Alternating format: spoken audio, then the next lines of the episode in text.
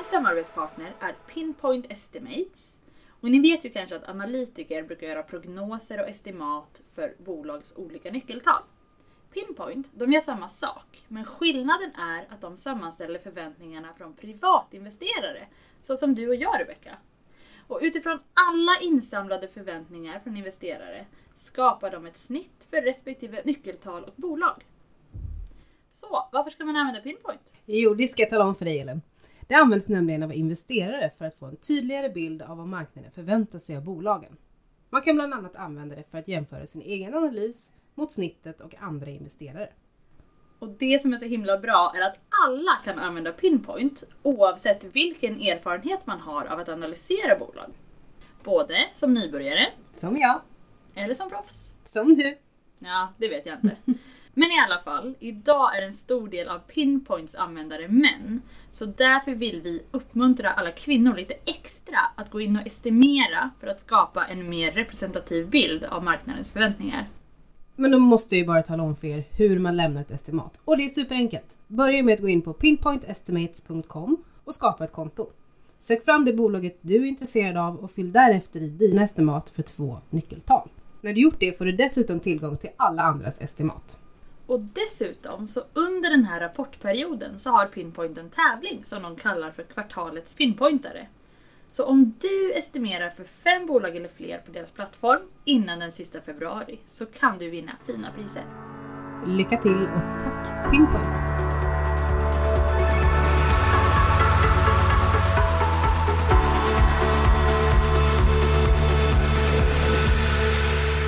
Mikaela, det låter som att du är ute och går.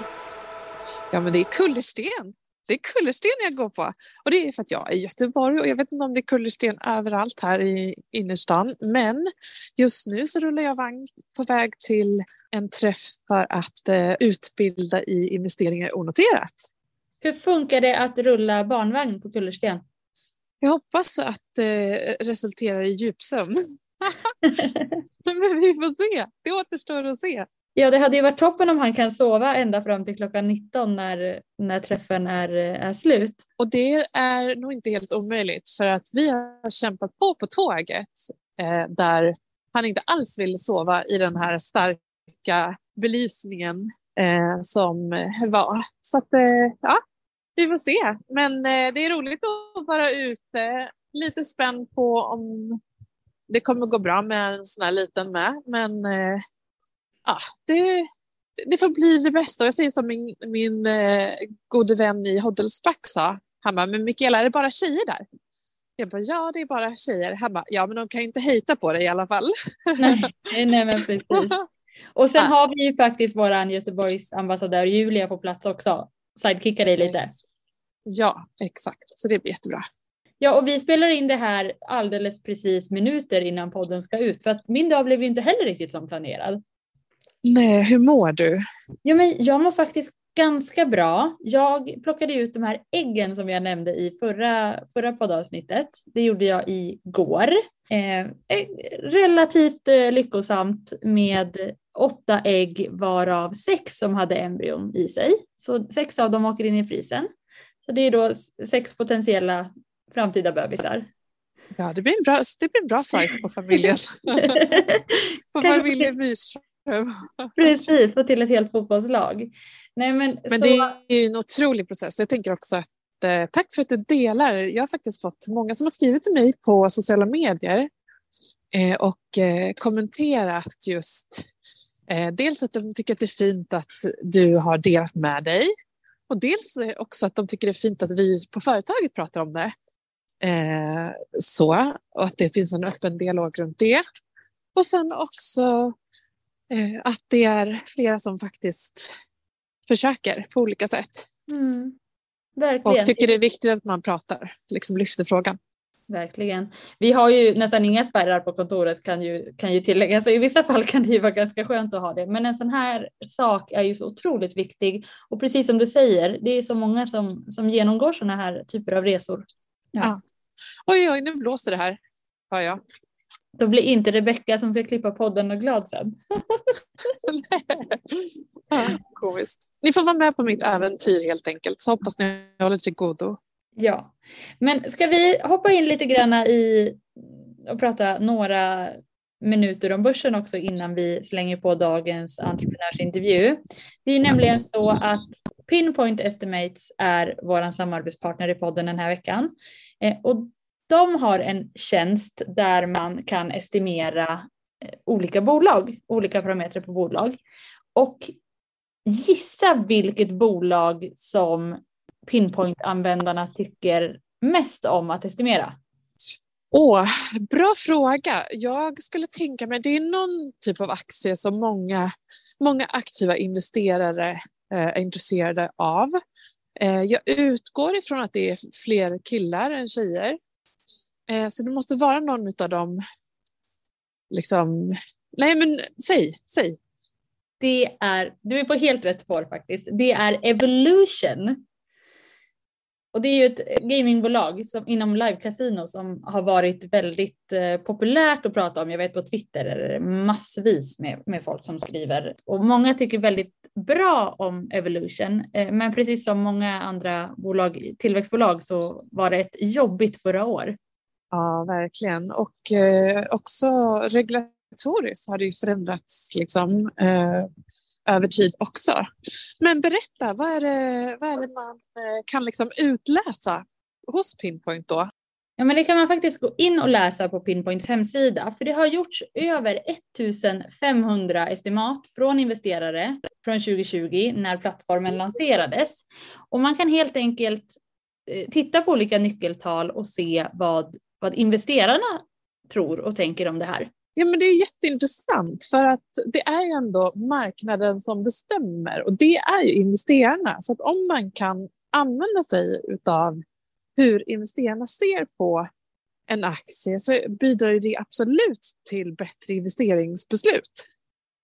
Verkligen. Och tittar man på just Evolution så är det faktiskt åtta av de senaste elva rapporterna som har överträffat investerarnas förväntningar när det kommer till nettoomsättningen i bolaget. Och det är ett spännande bolag. Det händer mycket saker. De har precis förvärvat ett bolag som heter No Limit City och precis som du säger så finns det massa regulatoriska saker som har hänt som har varit positivt och, negativt. Under corona var det ju många bolag till exempel som tog bort sina bonussystem för man fick inte använda sådana under den perioden. Eh, så nu har man börjat återinföra vissa av de här produkterna i andra delar av världen också. Ja, jättespännande, verkligen. Och det som också är lite kul med Evolution, det är att det också är ett utdelningsbolag. Och på tal om det Mikaela så vet jag ju att du har kikat lite på några amerikanska sådana. Jo, men det är ju så att om man vill eh, bygga en investeringsportfölj som ger utdelningar, det vill säga att bolaget ger ut lite av vinsten, som vi har pratat lite om tidigare, så eh, är det ju svårare att bygga en portfölj som ger mycket regelbundna utdelningar i Sverige. För det finns inte så många bolag som har utdelningar regelbundet. Nej, nu är det också osäkra tider ju och eh, då så är det också så, så till exempel det kan hända lite oväntade saker när det kommer till utdelningar. För att på bolagsstämmorna då så, så kan vi ju till exempel se på Castellum där som i slutet av hösten beslutade sig för att inte ge någon utdelning efter att ha gett utdelning och höjt utdelning under många, många år. Eh, mm. Men det är ju så att eh, utdelande bolag som har delat ut under många år har ju ändå en större sannolikhet att fortsätta dela ut även i tuffare tider. Eh, och därför tycker jag att det är kul att titta på lite amerikanska bolag. Eh, dels så finns det inte så många bolag i Sverige då som ger en regelbunden utdelning så att man kan få in liksom, nytt kapital eh, regelbundet eh, via, via vinstutdelning. Och, där, och dessutom så så finns det många fler bolag där som har delat ut under väldigt lång tid. Kan man säga något bolag, kan du nämna något bolag som har haft utdelning varje år under väldigt, väldigt många år? Ja, absolut. Eh, I, på den amerikanska börsen då, exempelvis så finns det ett bolag som heter Abvi Eh, och de har delat ut sedan 2013. Ni kanske känner till dem eh, genom samarbetet med eh, svenska BioArctic. Och som vi har pratat om också nu i, de, i alla fall förra podden var de med va? Mm. Men i deras tidigare bolagsform så har de faktiskt delat ut sedan 1973 så att man ska inte låta sig luras av 2013 som år. Ett annat bolag som har delat ut sedan 1985 är AT&T och de är ju en aktiva inom telekom som Ericsson. Jag har faktiskt sett flera som har AT&T i sin utdelningsportfölj på, på Twitter. Det verkar vara en, en favorit där bland många. Ja, nej men, och för, väldigt förståeligt med tanke på historiken. Sen så är det ju andra såna välkända varumärken som vi såklart känner till som produkter men vi kanske inte alltid tänker på när det kommer till investeringar och det är Coca-Cola. Vi har tandkrämsbolaget Colgate, Palmolive, Palmolive eh, eller palmoliv som vi säger på svenska och det är tvålar och hygienprodukter och så vidare. Är de, de... samma, samma bolag, Colgate och Palmolive? Ja, exakt. Och de har delat ut sedan 1964, Coca-Cola sedan 1963. Så det här är riktigt, eh, det går, they go way back, så kan man ju säga. Tänk om man dessutom har återinvesterat all den här utdelningen. Vilken härlig portfölj man skulle ha kunnat få till om man satte igång det här på 60-talet. Eller hur? Och sen, och sen tillväxten på börsen. Sen har vi Procter Gamble eh, som också har väldigt många olika typer av varumärken, konsumentvaror. Vi har Pepsi som är konkurrent till Coca-Cola. De började eh, tio år efter Coca-Cola så började de 1973. McDonalds. Mm, det känner vi till. Walgreen. Eh, ja, men det finns jättemånga spännande eh, utdelande bolag som jag kanske delar ut en gång i halvåret i alla fall. Sen så i Sverige så kan man ju också välja eh, att investera i, pref i preferensaktier och de, kan ofta, de har ofta utdelning var, eh, varje kvartal men då måste man kolla på att de inte handlas långt utöver inlösenkursen för då kan man ju faktiskt förlora differensen däremellan. Ja, just det. Men vad skulle du säga inför det här året och, och, bolag som ska ha sina stämmor här nu alldeles strax. Vilka bolag är, vilka, vilken bransch är mest i riskzonen? För att Fastighetsbranschen. Ja. Fastighetsbranschen eh, på grund av att de måste manövrera sin eh, belåning. Eh, och, eh, så där, där ska man hålla utkik för om det skulle ske förändringar för flera av fastighetsbolagen. Balder exempelvis har ju ingen utdelning. Eh, så där, där behöver man inte ens tänka om man har den aktien. Men eh, andra, andra fastighetsbolag, absolut. Jag skulle hålla mig undan eh, bostadsutvecklare just nu. Jag vet att försäljningen går väldigt dåligt. Även om eh, man släppte statistik nu för början av året att faktiskt fastighetspriserna steg lite i januari. Det brukar de dock göra så att eh, det tror jag inte är något ihållande. Men däremot om man tittar på vilka som har goda förutsättningar att fortsätta dela ut så är det ju banker som, som jag tror kan vara en... Swedbank är ju en populär svensk aktie i en utdelningsportfölj till exempel. Mm. Och vi kanske ska passa på att säga som vanligt att det är inga rekommendationer, de bolagen som vi pratar om. Det är bara för att ni ska få en känsla för att det verkligen finns så otroligt mycket olika bolag man kan investera i där ute. Ja, ett bolag som jag har eh, är Tomra. Och eh, de, det är ett norskt bolag eh, som brukar åter eller hittas i olika hållbara portföljer. Och de har delat ut från 2006 bland annat om man är ja, nyfiken på en, eh, en aktie i grannlandet. Mm, precis. Jag fortsätter i alla fall bygga vidare på min utdelningsportfölj. Hur tänker du Elin? Jag har ju också en utdelningsportfölj eh, där det finns till största delen faktiskt svenska bolag. Så jag är lite intresserad av att börja titta också i, i USA just så att man kan få den här mer regelbundenheten på, på utdelningen. Eh, och som du har nämnt idag, det finns ju otroligt mycket olika bolag med välskötta bolag som har haft en lång fin utdelningstradition eh, som man skulle kunna plocka in i en sån portfölj. Ja, och extra roligt kanske att kolla på sådana eh, aktier som även har en mer regelbunden utdelning. För att det är alltid trevligt när de där små slantarna trillar in. Ja, har du hört, jag vet inte hur det är hos de andra bankerna, men jag har i alla fall Avanza och varje gång det kommer en utdelning så kommer det ett litet kaching ljud i telefonen och det är alltid härligt. Ja, eller hur. Men du, ja. jag eh, är ju faktiskt på väg till Founders Loft och där så sitter ju entreprenören som intervjuar i dagens podd. Ja, det är så, vilket sammanträffande. Eller hur? Mm. Dagens entreprenörsintervju blir ju faktiskt på engelska också. Härligt. Nu ser jag fram emot att bjuda på vårt samtal med Tiffany på Mila Health.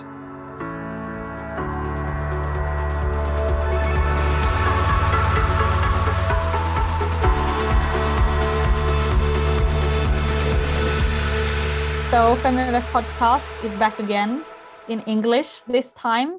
Yeah, it's very exciting. I always get so surprised by people that actually end up in Sweden. I mean, we're such a small country. It's so cold. It's so dark. In different service across the globe, we're always we're always quite happy, aren't we?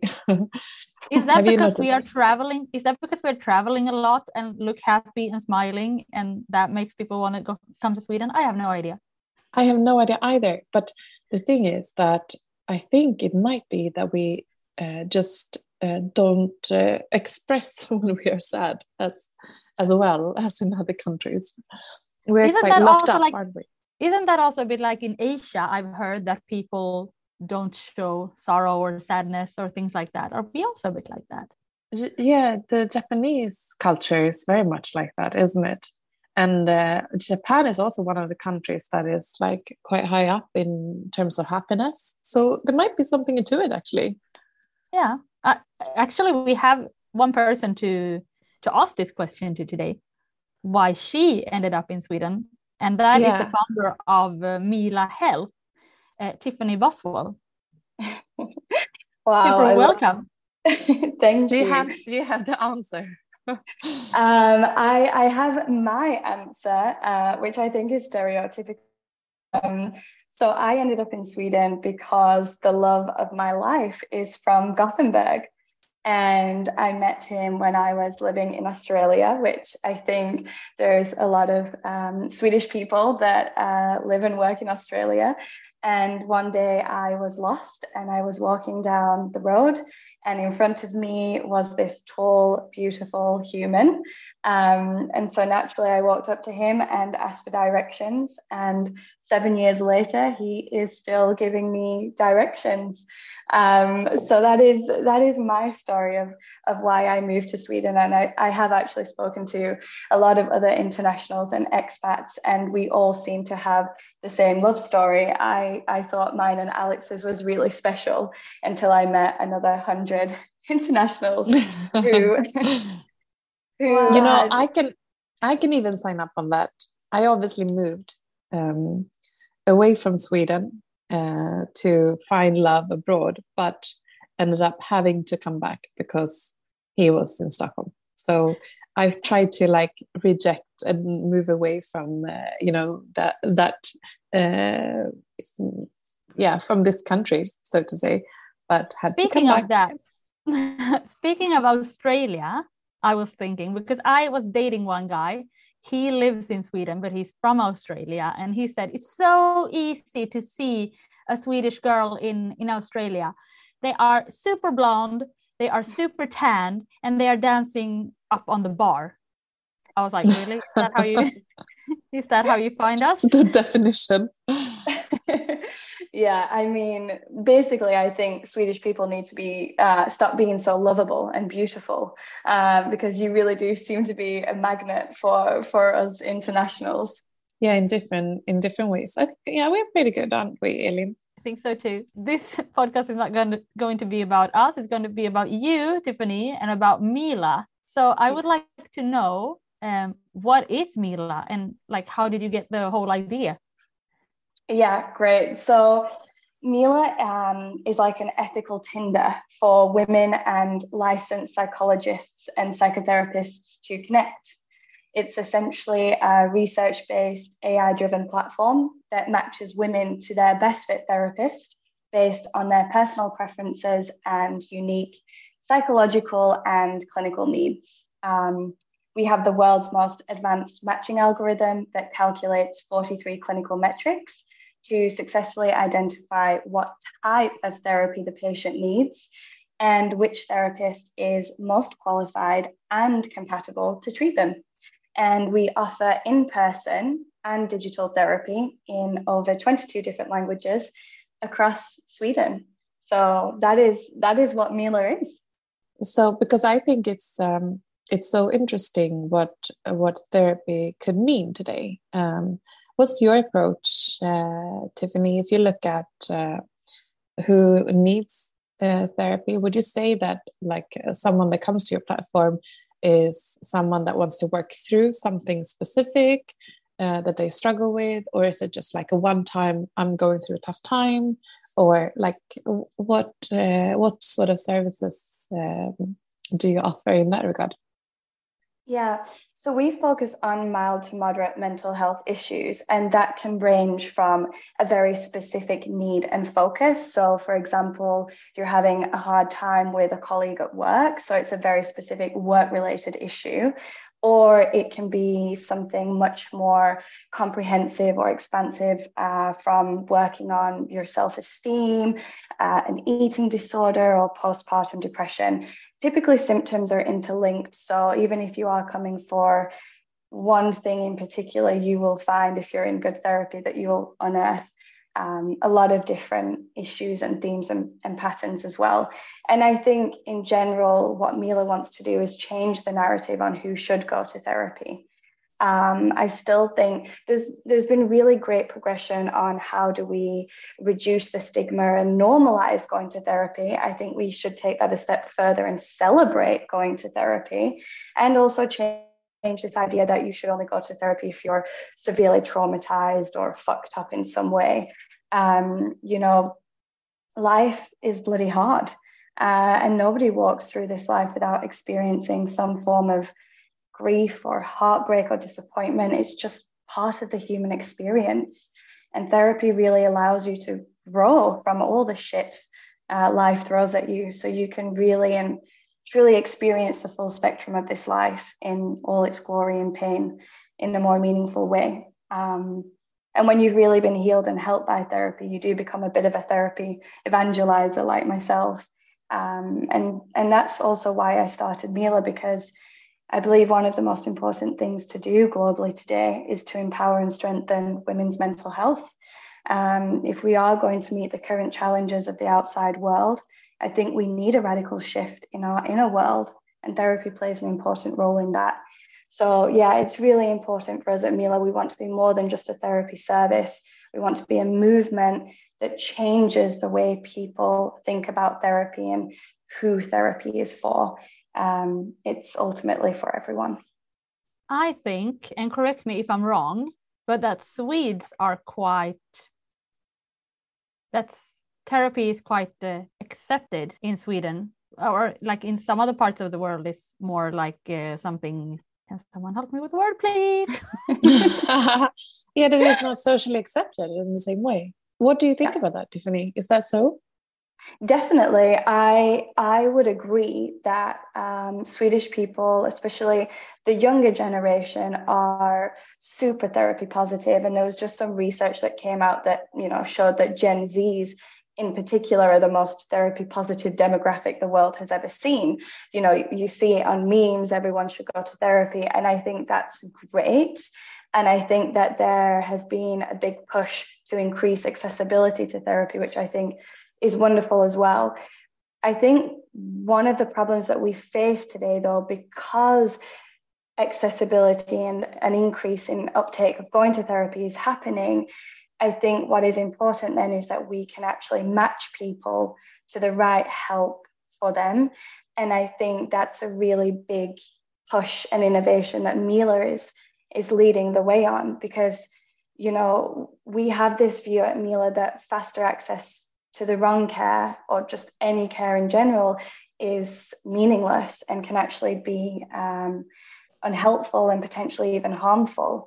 Um, And it's so true. You know what? I actually yes. have a, a, a, my private or an experience based on uh, based on trying to to find a therapist locally where I lived when I lived in London, and um, I was going with my ex, and uh, it was uh, I found a guy that was like all actually had a a clinic just down the road from where we lived, and I was like perfect, and he was focusing on relationships, and I really wanted us to work some things through.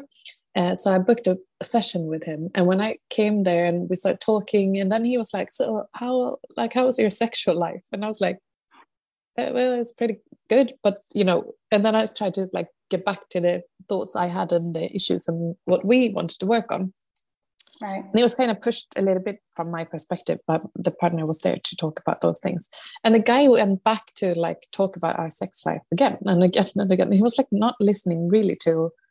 What we had. And then afterwards, I researched, and apparently he had he was uh, a specialist uh, when looking at like uh, how couples would get back together again uh, if they struggled to actually be physical together. So it was uh, exactly I've hmm. been in that situation.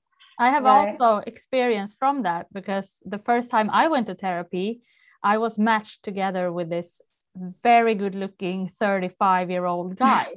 And i was going to talk about things that i did not feel comfortable. So I, I mean i wasn't lying but i wasn't telling him the full story or the whole truth either.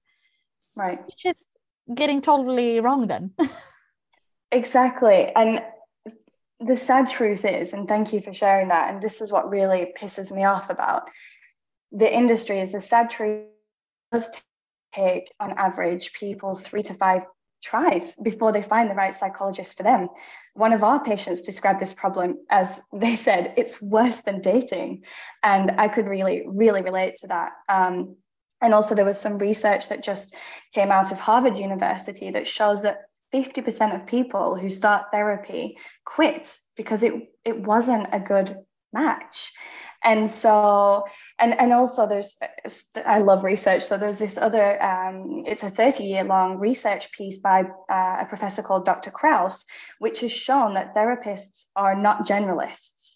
They are really good at treating some problems and symptoms and actually quite bad at treating others so obviously if you don't if you don't match a patient to a therapist you know you just randomly assign them as was the case with with with both of you uh, you do run the risk of of getting a therapist who really wants to help you but just isn't skilled or competent to help you so you won't get the best experience out of your therapy and, and because what, what you read wait, what you read when you reach out to a therapist is that what you read their own words on how yes. good they are and what exactly. they're specialized in and that exactly. might not match the experience of their clients exactly. And and you know a therapy what we we ask um, at mila we when we do our matching questionnaire we ask therapists to say what they love to work with uh, and also to signal what clinical symptoms or problems they don't want to work with. And we've been surprised that it's quite a big long list.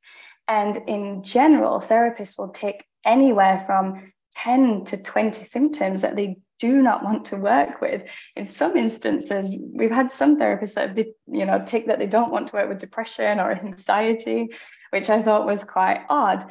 But that, sh- you know, that information would never be displayed on their website. Um, so a big one that we see in our network is that therapists do not want to work with eating disorders. And given the demographic that we work with, it does pose an ethical question because that is not anywhere on their website being displayed. So, what if you, as a woman or a patient, just reaches out to this therapist, unbeknownst to you, you don't realize that they actually really don't like to work with a problem that you may be experiencing. But the therapist next door might actually be a specialist in eating disorders. So you can see just by a sim, uh, we have 43 clinical metrics that we match on, but even matching on a very simple metric like a symptom or a problem, you can already see how you can increase the chances of somebody experiencing and having quality care. Um, so that's really the foundation of Mila. What we what we really believe is that you know if you are bloody brave enough to seek help for your mental health, you must get the best possible chance of getting the right help from the right therapist who has the right skill sets and clinical competence for you from the start. Um, So that's that's our our true mission and, and what we're fighting for. I think, you know, a lot of innovation has happened in this space. You see a lot of digital solutions and digital psychology clinics popping up, but they just have this singular focus to improve accessibility, which I said before, it sounds great, wonderful in theory, but shit in practice because if ultimately if if you get a psychologist within 48 hours but that's not the right psychologist for you then it's pointless. Mm. you have a background uh, like a family background where you have uh, a few close ones that work in the field. Uh, one usually say that apple don't fall away far away from the tree Uh, how would you say that that's been, you know, affecting you? Both, I guess, inspiring you since you are uh, walking in the same direction, but also has that challenged you in some way? Yeah, really good question. So I think reflecting back, the the inspiration to start Mila did begin early for me because, as you said, I am for better or for worse from a family of therapists.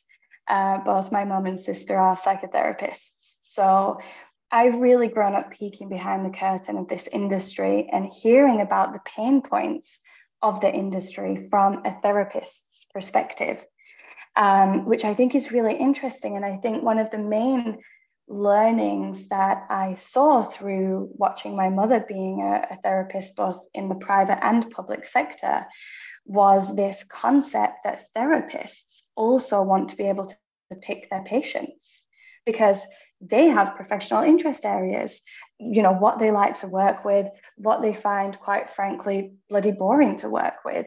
Um, i think i hope my mum will forgive me but you know she found ocd to be quite boring to work with. Um, so i think that really from a different perspective from not from the consumer side of being frustrated of trying to get a therapist which i also experienced but from actually being able to see from the professionals how a matching service could also improve and allow for greater professional enjoyment and success from their behalf. So I started to see like this could be a win win win for everybody. So you see Mila, that is an app that is targeting women or only women. And is there a reason for that? Yeah. Um, firstly, we, we never discriminate. So we have helped men and non binary people, which is really cool. But the reason why we focus now on women, and I think your audience would enjoy this explanation, is historically the field of psychology has been researched and written by white Eurocentric thinking men, which has unfortunately created biases within the field. And we at Mila want to be part of rectifying these biases. So, for example, there is little research on how to treat disorders such as PMS and PMDD, uh, the, the premenstrual syndrome. Um, despite 90% of women reporting at least one PMS symptom that negatively impacts their mental health, despite this, there are five times more studies on erectile dysfunction and its impact on mel- mental health, affecting just 19% of men. Mm, so, classic. It, it is classic, and you know we we are beginning to see these patterns across women's health in general. It's been largely underserved and under researched.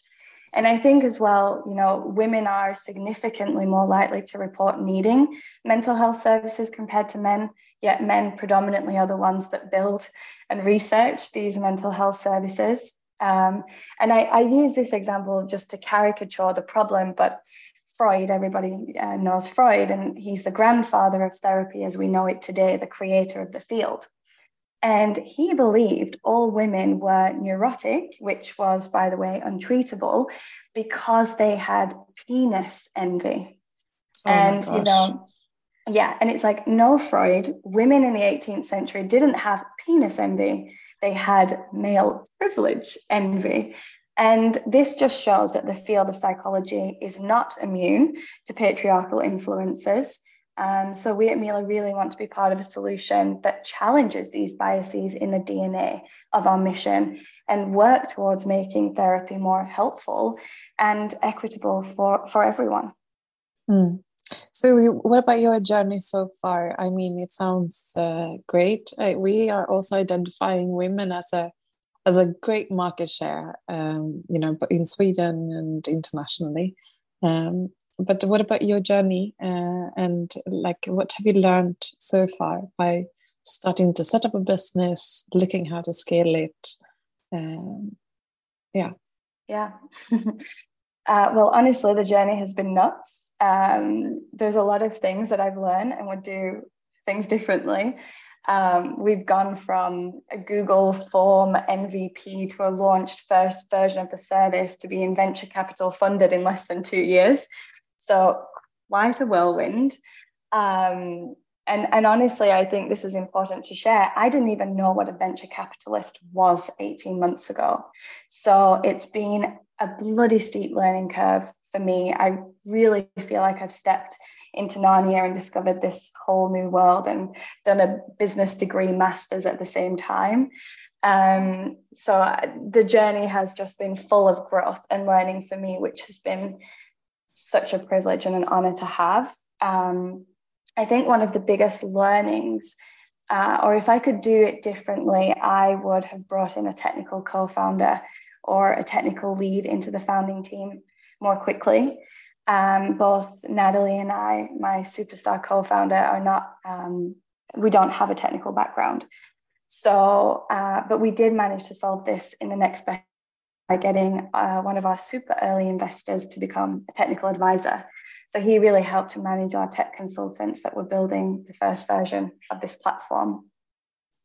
And I think another learning that that's good that advice, though. Uh, make sure you have um, uh, technical expertise in house or you know tied to you for a long term perspective. Oh gosh, yes, absolutely. Especially if you're not technical yourself because you you don't know what you don't know right so uh, i would say that that is really important. And if like us you really struggle to find somebody technical it's really difficult to to find somebody especially if you didn't go to a technical school and you don't have uh, a technical network. Um, you know really think about then how can i maybe get somebody who does have a technical background to invest so they don't necessarily have to be operational, but can be more hands on in looking or helping consultants build the first version of the product so that they know that the code that is being built is not total shit. Um, so that would that would be my tip. I would also, when we are talking about this topic, like to tell everyone that is listening to this podcast that on our Fearless event on the 8th of March, we will have a founders launch at the event where you could actually find your future colleagues within different fields that you maybe feel that you lack or even investors or whoever you might need to be a yeah. part of your team. So good question because we get so many questions on how we can assist in helping female entrepreneurs in uh, helping them in scaling in different ways. And some ask for a co-founder and some ask for funding some ask for technical skills uh, so we've uh, kind of put all that into the Founders Lounge at Fearless on the 8th of March. And um, uh, we have available spots now because we're just launching it. So when you listen to this, I hope we still have a few spots. But email Rebecca at feminvest.se, Rebecca with two C's, and then you'll you can ask her if there are any spots available for you to showcase your business and match make and look for that skill that you uh, desire for your business. Yeah, that is a great opportunity. But speaking of fundraising, how has your fundraising journey been, Tiffany? yes. Um, well, it's been a journey for sure. Um, I think everybody can agree fundraising is bloody hard, uh, especially when we're in an economic crisis. Um, but I think to talk generally, about some sort of practical hands on tips for fundraising, I would say that one of my biggest tips is to actually plan your fundraise meticulously and don't fundraise in the summer. I didn't plan my fundraise meticulously and started just before summer. I didn't realize in Sweden that it's like a mass exodus, that everybody literally closes down and doesn't work over summer. So that would be a hot tip to anybody that is fundraising and is not from Sweden. So um, fun. We are like yes. and the thing is even we take holiday but we, we do take holiday together. So we go to gotland one week. We go to saint tropez one week. It's like we've got the swedish weeks across the globe. So we can always make sure to meet other swedes wherever we go on holiday. Now everyone is in marbella. It's crazy. Exactly. Yeah. it's quite funny yeah, mm-hmm. so that's a top tip. And I mean, in the end, it worked out really well for us. We did become oversubscribed, which was just a bloody glorious position to be in. But the backstory to that highlight was a lot of work and a lot of tears over many, many months and a lot of no's. And I think that another tip that I would I would really like to give to fellow founders is get founder intros. You know, I've heard that actually founder intros instead of other investor intros is stronger. Um, and you know, you really do need to avoid reaching out cold to investors, which is bullshit, and it does create you know systemic barriers because if you don't have a net- network, how on earth can you reach people? Uh, I get it. I didn't have a network, and I think what you're doing is wonderful by bringing your network to other founders. It's a really huge problem for women and underrepresented founders in general, I would say. Um, so the way that I tackled this barrier was in two ways. I started being more public about Mila's success on LinkedIn, which gave inbound interest from some investors, not a lot. But I also researched investors that were investing in health, mental health, femtech, and then I approached the founders of those companies, not the investor directly began a relationship with the founders and asked them if they could intro me into their investors. And that's how I got a lot of Mila investors through getting intros from other founders. Um, so I think that's really a really important piece to mention. Um, how do we open our networks to underrepresented founders? And then Brilliant. I think, yeah, it's it. I definitely it's been one of my biggest learnings on this fundraise journey. And then the, I think another learning that's been incredible is that really um, be aware in particular of what investors you want in the company with you. Um, one of our strategies was that we specifically looked for investors who had built and scaled unicorns before.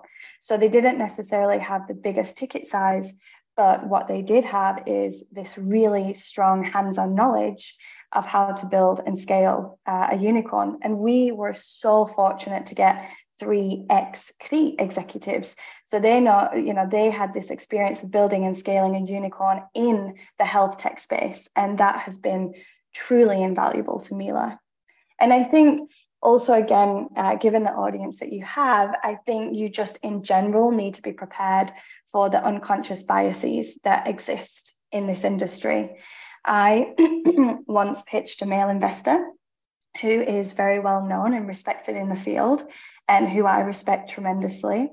And when i was discussing discussing my limitations as a leader he said tiffany don't do that. That's such a female thing to do and then at the end, when we were wrapping up the call, he said, Listen, Tiffany, when I invest, I look to invest in people who remind me of me because I have been successful and I know that's a safer bet.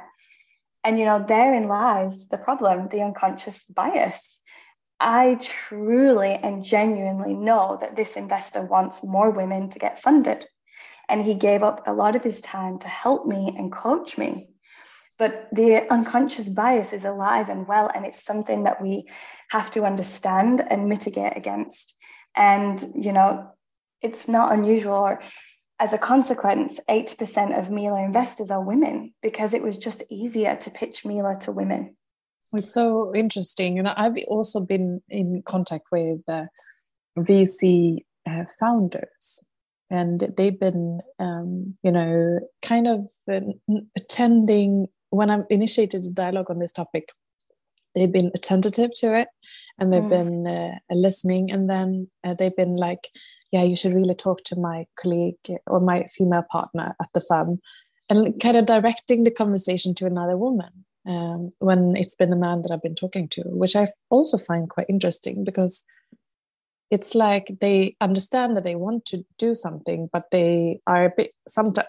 this is not for every, every, everyone I'm descri- no. describing, but it has happened that they kind of push the question over to to women to take between uh, from woman to woman, and yeah, it, it's. Uh, I, I have so many different stories and different ways it's been, uh, you know, dealt with. But uh, you're so you're so uh, true about the fact that if you are aware of that it happens, you can actually confront it and handle it in another way when you're in that specific situation.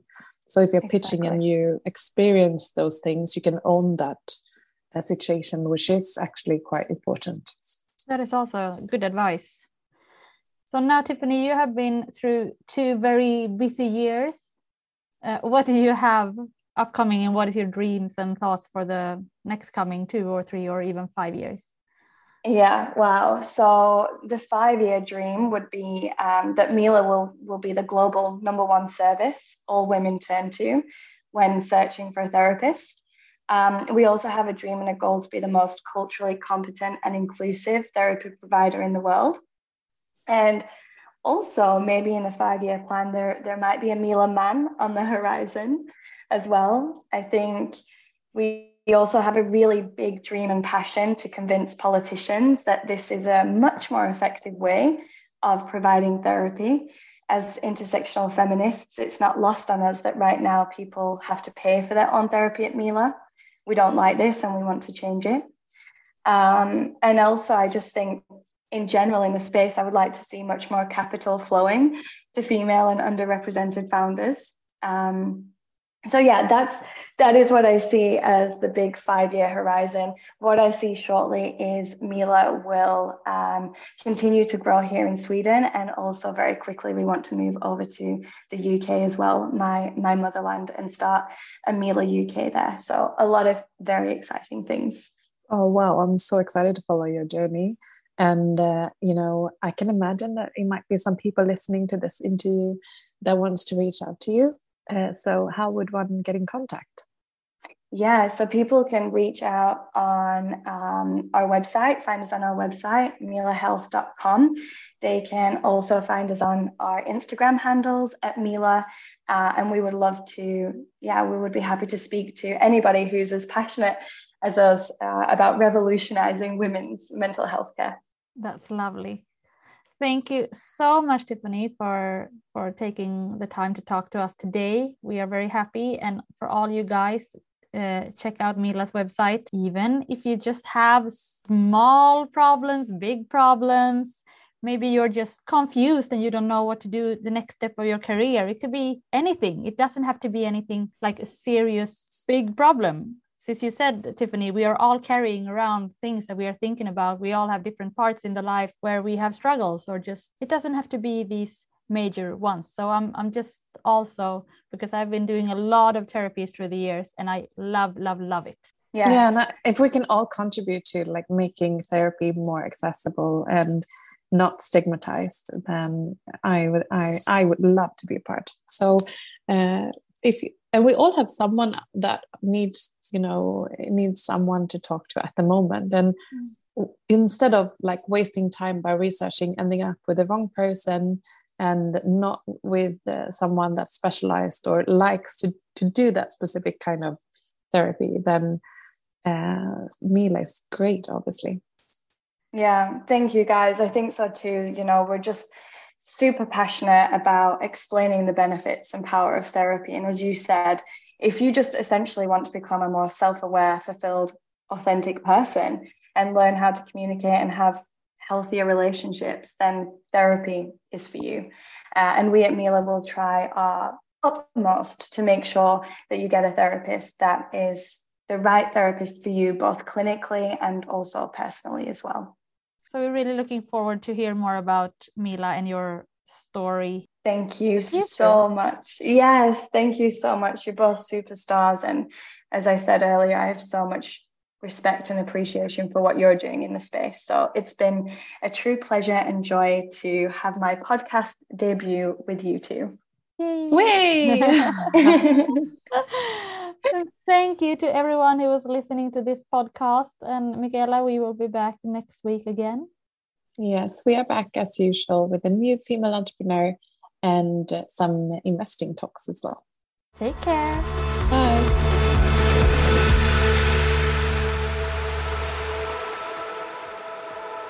Feminvest är Sveriges största investeringsnätverk för tjejer. Vi vill att allt fler ska våga äga och förvalta. Och hur gör vi då detta? Jo, vi vill inspirera, utbilda och utmana runt ägande, investeringar och entreprenörskap. Följ Feminvest på våra kanaler Facebook, Instagram, Youtube. Varje vecka så kommer vi även ut med en podd och du kan ju självklart även följa nyheterna som publiceras på feminvest.nu. Det är bara att söka på Feminvest på samtliga kanaler så hittar du till oss.